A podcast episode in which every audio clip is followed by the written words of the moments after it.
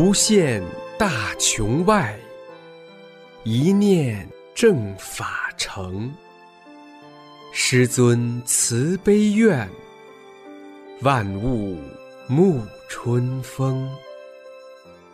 请听明慧专题《一师恩》。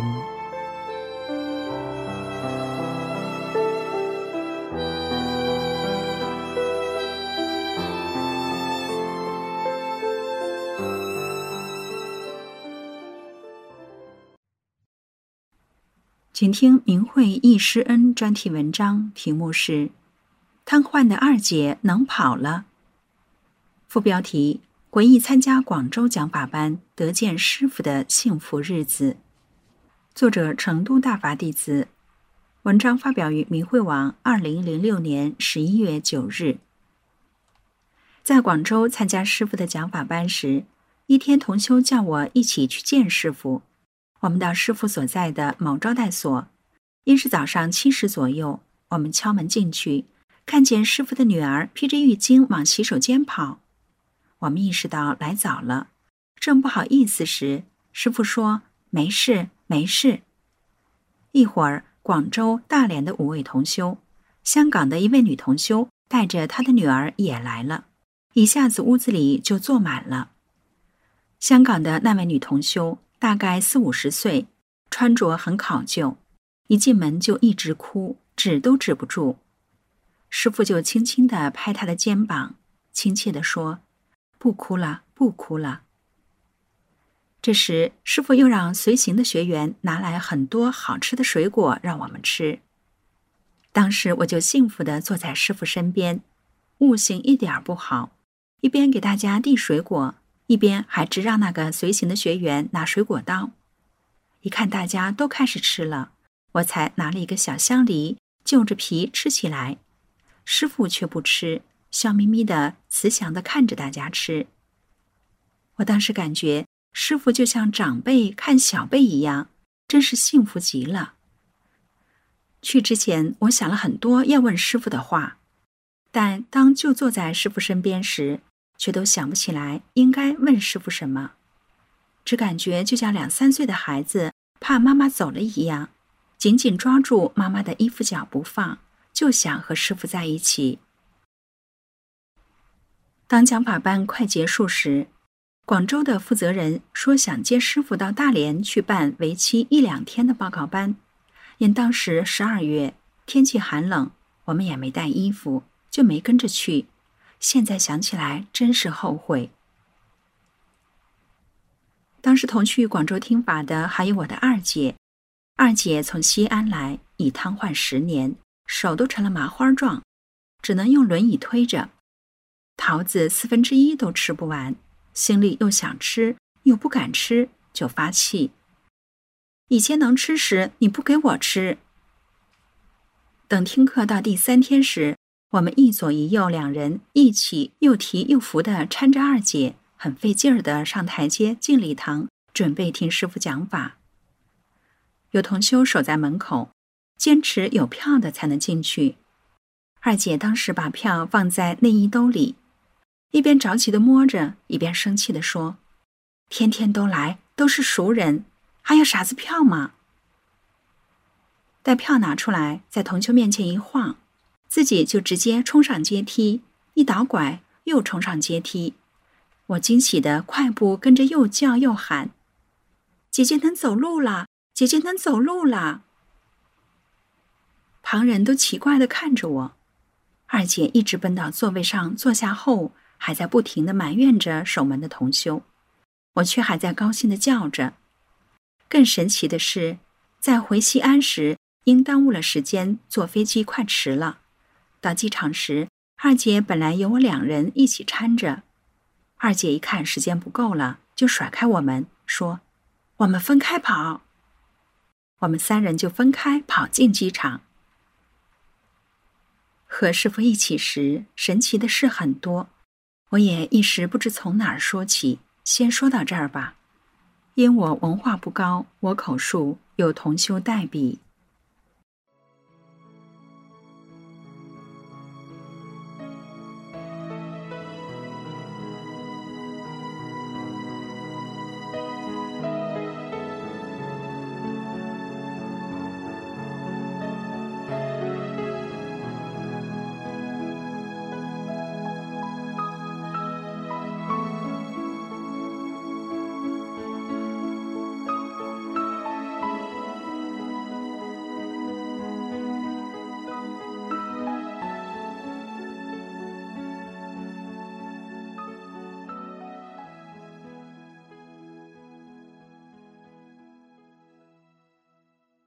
请听明慧易师恩专题文章，题目是《有缘亲见师傅》，作者大陆大法弟子连云。文章发表于明慧网，二零零六年十月三十日。我含着眼泪看了好几遍同修写的《随师万里行》的文章，如同亲眼见到师尊传法救度众生，吃了无数的苦，便想起我自己亲身的经历，一个永远不能忘记的事情。每次想起时，都难过极了，从而更加思念师尊。那是在二零零一年至二零零二年间，我多次写信给亲朋好友、同学、老家的乡亲们讲真相、揭谎言，后被恶人举报。亲戚来电话说他们家被抄了，家里翻个底朝天。我家的电话被公安抄去了，恶警逼得很凶，亲戚把我供出来了。他通知我马上离开家，我放下电话，简单的收拾一下就离开了家，去了几处亲戚家，他们都不敢收留我，只好千里迢迢投奔远处的亲戚。一进门，他的第一句话就是：“我有一个条件，在这里住可以，但是你带的大法书和大法有关的资料全部烧掉。”当时我的脑袋就像炸开一样，差一点昏倒。我想我是修炼人，一定要冷静。于是我就耐心的给他们讲真相。当时他们一点也听不进去。他告诉我，必须得按照我的条件做，防止被公安发现，我们也被牵连。此时此刻，我的态度非常明确。我坚定的对他说：“我和大法的书同在。为了保护大法书，我决定走。”他大喊：“你是精神病！你是疯子！”你冻死、饿死，没人理你。我慈悲的告诉他，这不是一般的书，这是天书，是宝书。它能使人道德回升，能使人心向善，能使人返本归真，返回人的先天本性。你千万要明白真相，不要被电视、报纸那些谎言毒害，迷失方向。头脑一定要清醒，分清是非。他反而大叫。你才不清醒，你才糊涂，你是傻子。我老伴在一边不但不帮我，反而也训我：“你想走你走，我不走。你是人吗？你才不是个人呢！一进门就跟人家吵，你就不能放弃你的想法，按照人家说的去做？跟你走到哪里，脸丢到哪里。去了两家，人家都不敢收留你，也不把你当人待，你还有点人味儿吗？大冷的天，我可不跟你受那个罪。”愿意走你走，我跟你丢不起那个人，有家回不去。我强忍着不听话的眼泪，我是大法弟子，眼泪不能在他们面前流。我拉开门，迈开大步向黑夜里走去，又冷又饿，泪流满面，我的眼泪怎么也止不住。此刻，我加倍思念在这个世界上最能理解我的师傅，比任何亲人都亲的师傅。我的心一直在呼喊着：“师傅，您在哪里？弟子好想您啊！”十月寒冬，天太冷了，夜也太长了。我背着一个装着大法书和大法资料的大包，为了给自己取暖，我来回走动，边走边想：他们说的对，我不是人，我是神，神必须得维护宇宙大法，我选择的路是对的。我坚信师，坚信法。我感到师傅就在我身边呵护着我。师傅讲法时，那洪亮的声音在我耳边回响。我边走边听师傅给我讲法，不知什么时候身上不冷了，感觉越来越暖和。一九九四年参加师傅在临冈讲法学习班的情景，清晰地浮现在眼前。当时我做了一件傻事。一想起，我就觉得对不起师傅。学法修炼后才知道，当时的想法不是我，是思想业，是后天形成的人的观念。当时师傅就把这些坏东西给清理掉了。这是我用语言无法表达的，只能用心感谢师傅的救度，感谢师傅的宏大慈悲。记得九四年那天早晨，我去听师傅讲法，去的特别早。可是广场上已经人山人海了，我一看这么多人来，肯定这气功师很好。看来我是选对这气功师了，因我常年有病，一身的病去了多少大城市的医院也没治好。听说气功能治病，抱着治病的目的就来了。另外，这回的气功门票钱还挺少，才五十元一张。我入场后坐在那里，焦急地等待着气功师的出现。当时我想。治病得找年龄大一些的医生，年龄大的医术才能高明。这气功师也一样，年岁大的好。我目不转睛地看着讲台，不一会儿，一个大个子年轻人走上讲台，一身干净深色西装，内穿白色衬衣，带着领带。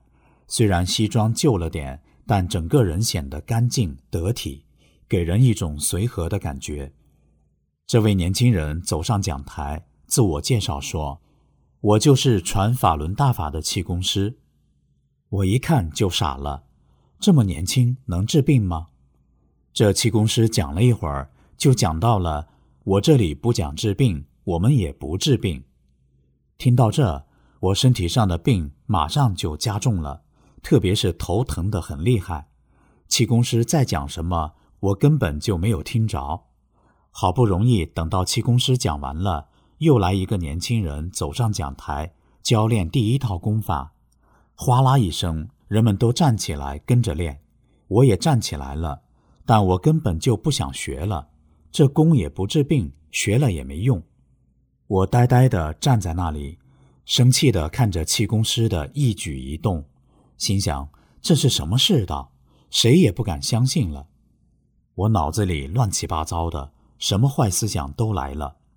这气功师从讲台上面带着微笑看着讲台下的人学功，慢慢的，气功师的眼神移到我这里，他面带祥和的微笑看着我，亲切的示意我学功。我左右一瞅，楼上楼下几千人都在练功，只有我傻呆呆在那站着不动。气功师瞅我时。我感到身上的病痛消失不少，特别是头不疼了。后来我才知道是师傅把我的病拿掉了。这时我才仔细地看清师傅的肤色与众不同，白里透红，发亮有光泽，看人的神态亲切随和，平易近人，动作稳健。在那一瞬间，感到我与师傅那么熟悉亲切。好像认识很久很久了。从那时起，我对师傅坚信不疑，谁也改变不了我对师傅和大法坚定的信念。此时，奇迹出现了，我全身感觉非常舒服，一身轻松，第一次尝到了没有病是啥滋味。我非常激动，一切遵从师傅的安排。这时天快亮了。我的亲戚，他们小两口出现在我面前，他们像忘记了这场不愉快，高兴地说：“总算老天指引我们找到了您，冻坏了吧？”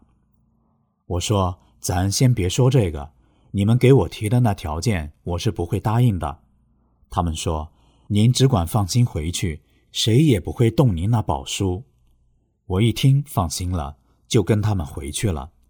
看着他们很冷的样子。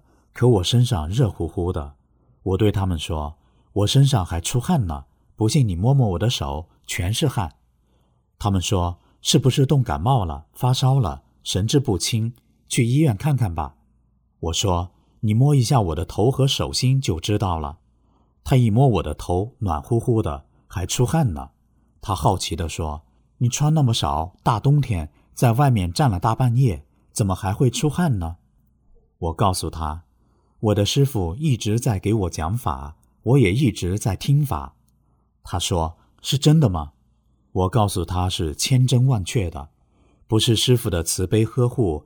今天这一夜我就冻成冰棍了，哪能还出汗呢？常人永远也理解不了修炼人，除非修炼。常人看起来是不可思议的事，确确实实的展现在眼前。如今他也明白了真相。退出了中共恶党的邪恶组织，在师傅讲法的日子里，给我留下了无限珍贵的回忆。师傅对所有的人都一样，总是笑呵呵的和大家合影时，天气那么冷，人也多，师傅总是笑呵呵的一组一组合影照相。我们那么多学员都舍不得离开师傅，绕来绕去的围着师傅。师傅再苦再累，总是那么慈悲，笑眯眯的看着大家。师傅走到哪里，很多学员跟到哪里。不用问为什么，我们今天都知道是怎么回事了。参加学习班的人，有常年卧病在床的，还有得了不治之症的。参加师傅办的学习班之后，全都好了。我也是其中一个。过去百病缠身，现在非常健康。九四年得大法，到今天整整十二年了，没吃过一粒药，身体健康，比起同龄人显得很年轻。全家人和我所有的亲戚朋友都说大法太神奇了。回想师傅传法那段时光，我亲自感受到了师傅在转法轮里讲的这件事情，只有我一个人在做这样的事情，机会不多，我也不会老这样传下去。我觉得能够直接听到我传功讲法的人，我说真是，将来你会知道。你会觉得这段时间是非常可喜的。当然，我们讲缘分，大家坐在这里都是缘分。写出这段珍贵的经历，希望我和同修共同精进，永远不忘师父的苦心救度，幸遇这千万年不遇的高德大法，也不枉来尘世走一回。一定做好师傅要我们做的三件事，完成我们的历史使命。注师正法。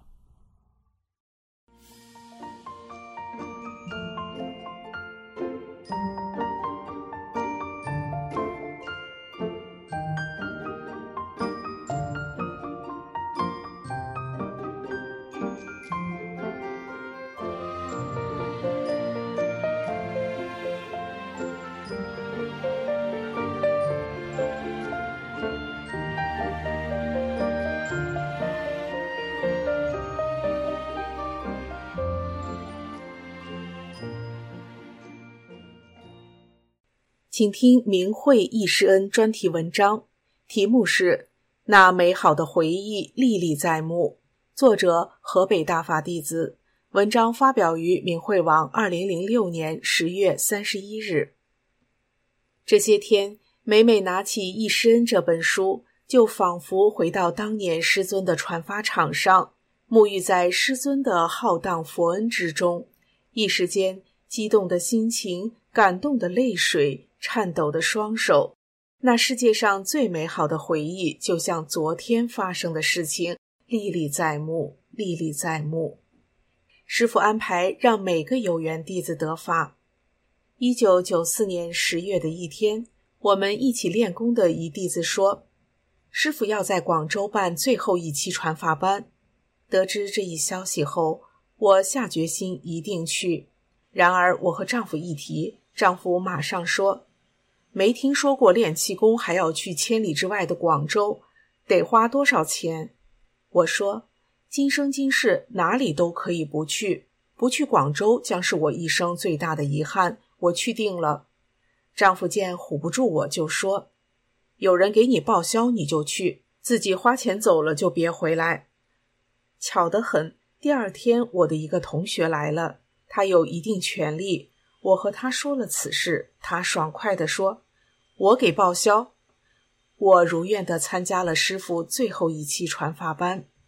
去广州参加传法班的前一天，我在单位三楼开会。为了做好充分的准备，我提前离开会场，从三楼下来。原本不打算回二楼的办公室了，但不知道为什么，当时不由自主的就进了办公室。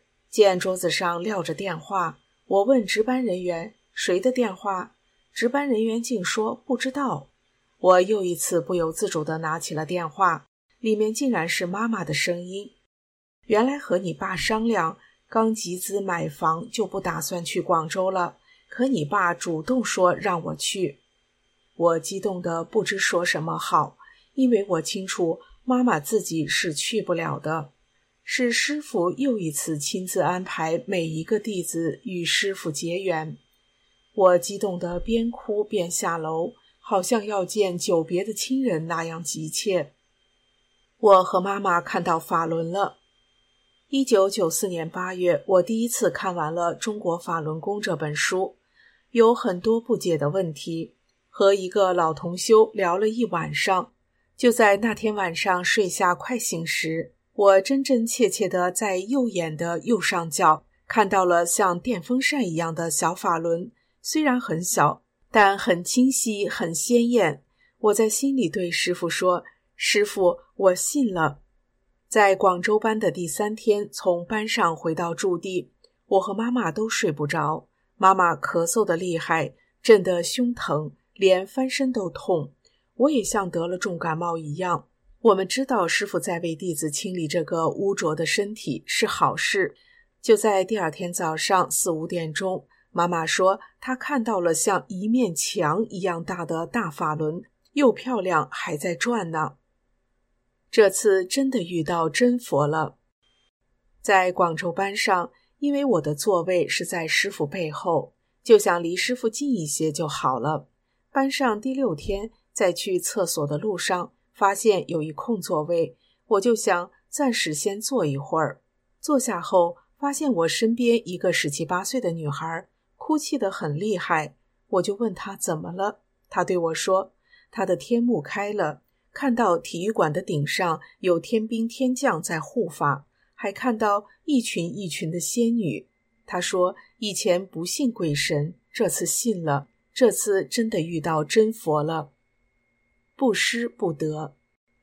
从广州传法班回来后没几天，一次我上街，在我明明白白的状态下，竟然有那么几分钟，就像被定住一样，听人家任意摆布。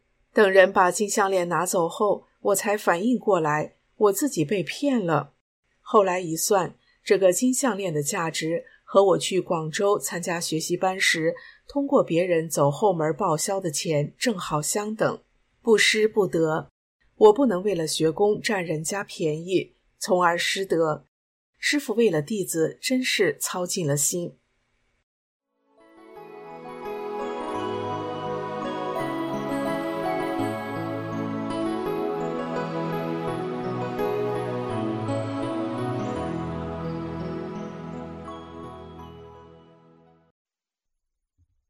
请听明慧忆师恩专题文章，题目是《回忆法轮大法在郑州的红传》。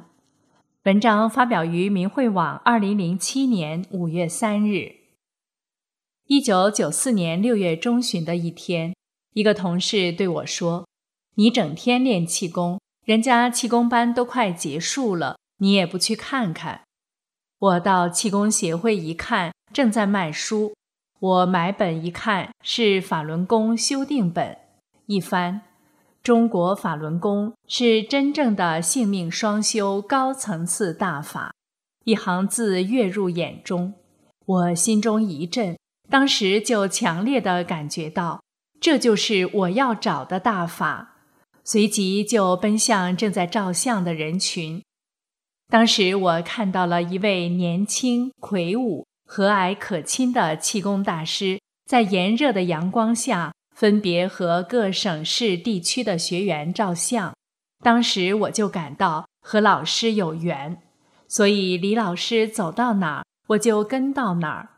后来，老师对着体育馆前门台阶上的一群学员说：“郑州的学员请注意，一会儿照完相，咱们进去说说。”这时，我就也站在台阶上等着。照完相，大家随老师走进体育馆内场。李老师建议大家席地而坐，我正好坐在老师面前，双手捧着宝书，非常激动。李老师让大家提问题，大家提了不少问题。在老师左边坐的一个中年女学员，激动的一直在不停的流着泪。泣不成声。老师还说，这次来郑州办班，没想到郑州的学员这么少，才一百多人。大家请老师以后再来郑州办班。李老师说：“没有时间了，不可能再来了。你们就是大法在中原红传的种子。”最后，老师指定了几个人员负责把大家组织起来，好好学法练功。散后，我一直跟着老师走到体育馆前的马路旁，目送老师走过马路往南而去。我没能跟到旅馆，怕影响老师休息。回到家，我一口气把《法轮功修订本》书看了几遍，非常激动，非常高兴。我知道得到这本书就是得到大法了，以后再也不用看那些乱七八糟的书了。我非常兴奋地对家人说：“你们在我身旁做个证，从今以后我再也不用吃药、打针、到医院看病了。十三年来。”我真的没有吃过药、打过针、看过病，谁见都说我红光满面、身体好。我心里明白，这其中李老师为我承担了大部分病业。第二天上午学习班结业，早上学员们都入场了，我在场外等老师。当我到体育馆天桥头的马路边时，看见李老师和一个身穿崭新道袍、长长的头发梳着整齐发揪的年轻道士说话。过了一会儿，那道士站到老师身边，有人给合了影。当时我真想凑过去，怕有影响，没敢靠近。之后，老师快步走向会场。当走到天桥中间时，探身对一个衣着不整。靠着桥栏在地上半坐的老人说：“你老也来了。”一进会场，我就坐在台前第一排。我想这样离老师近，看得清楚些。开始练习第五套神通加持法。由于自己没参加班，不知道怎么做，就东张西望，也比划着学。这时，我看见李老师走到会场的后边。一个一个的给学员纠正动作，之后老师给学员解答问题。当时自己听不太清楚，过后看录像、听录音才知道。由于这次学习班新学员少，老学员多，老师讲法讲得很高，对我震动很大。有个老年学员得法前就开着天幕，他对我说：“开班第一天。”在非常破旧的风雨球场内上课，当老师一进场，他就看到一个非常大的光照，一下子就把整个传法场罩了起来。讲台虽然破破烂烂，但用天幕看，台上摆满了鲜花，非常漂亮。气功协会的一个负责人对我说：“办那么多班，从来没有见过这么好的气功师。”李老师平易近人，上课很准时，从来没有晚到过。他跟着听了几堂课，就把多年去不掉的吸烟坏习惯一下子给戒掉了。一九九八年夏，郑州市筹办法轮大法心得交流会，天近黄昏，将要亮灯时，我看到主持会的站长。头上有个像满月一样亮亮的圆形辉光，我意识到这是老师给我的显现，自己要主动配合站长，做好大法红传的工作。大法心得交流会有近四千人参加，在发言中有个七十多岁的老人给我印象很深，他原来在国家安全部工作。因一身病，生活不能自理，就从北京来郑州孩子家养病，跑了多少大医院，看了多少名医，也不解决问题。有一天，他出来散步，看到一群人在紫金山公园练功，就跟着比划着学。当时感觉很舒服，一问是法轮功。他跟着练了一段时间后，生活就能自理了。而且去医院一查，很多病都不见了。当时在心得交流会上，他激动的说都说不完。有一次，周口地区召开大法心得交流会，我随站长们去参加。在发言中，有个老年妇女的事例，至今难忘。她家住在周口市，原来不但一身病，吃药都要从医药公司整箱批发，而且几十年来一直是驼着背，走路得弯着腰。这在周口市很多人都有印象。他有一次出门溜达，看到有人在练法轮功，就随着练了几天。后来腰竟然能直起来了，练了一段时间，身体非常好，也不用吃药了。这事在当地影响非常大，很多人都是见证。周口地区原来有个人来郑州看病时得大法，后来这人回去传法。发展到几乎每个村都有大法练功点，有多少万人参加修炼是难以计算的。有一次，一个单位的几个工友开小型心得交流会，邀我也去参加。其中有个工友是高级工程师，还是单位党委成员。他说一定要来参加，把自己的事迹心得给大家说说。他很早就得法，练了一段时间的功，后来怕别人说是搞迷信，就停了。过了一年多，他突然得了脑溢血，浑身不能动，两眼也看不见，送医院抢救。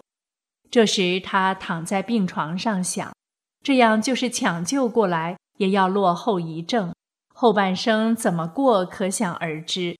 如果坚持修炼，最起码会是个健康的人。想到这儿，他决心不再吃药打针了，重新学法练功。他的决定让医护人员大吃一惊，不可理解。由于他的家人也是老学员，非常理解他，也非常配合他，开始学法练功。当时他要学法，就能看到大法书上的字；要练功，就能站起来，这给了他很大勇气和信心。后来就出院回家，天天学法练功。过了一段时间，就基本恢复正常了。去参加法会，就是自己走着去的。我们练功点有个在公安工作的工友，他家人也练法轮功。夫妻俩因过关发生矛盾时，常打电话叫我去交流心得。有一次，他对我说，在一天的深夜刚醒。看到他妻子在练静功，一会儿渐渐地离床起空，当时不敢出声，怕惊动他。交流多了，关系熟悉了，他对我说：“他在公安局政治科工作，来练功点，实际是来蹲点了解调查法轮功情况的。经过长期观察，觉得这个功法确实很好，就跟着练起来了。”而且还带动他的家人也练。我们都知道，当时几乎每个练功点都有公安局派出所的人在蹲点调查情况。回忆法轮大法在郑州、在中原的红传，我感慨万分。一九九四年传法班结束时，实际只有几十个工友坚持学法练功。后来发展到全省各地。市区县镇大法学员有几十万、几百万、上千万，难以估计。一个教人修心性、按真善忍做好人，使上亿人解脱病魔，得到一个健康身心的宇宙大法。一九九九年七二零开始，遭到中共恶党空前的造谣诽谤，多少大法弟子。被活摘脏器迫害致死，有多少人被绑架、劳教和判刑，无法统计。我们走过来的大法弟子，不但要坚持学法、修好自己，而且还要找回失散的工友，共同讲真相、救度众生，做好老师讲的三件事，走好最后的路。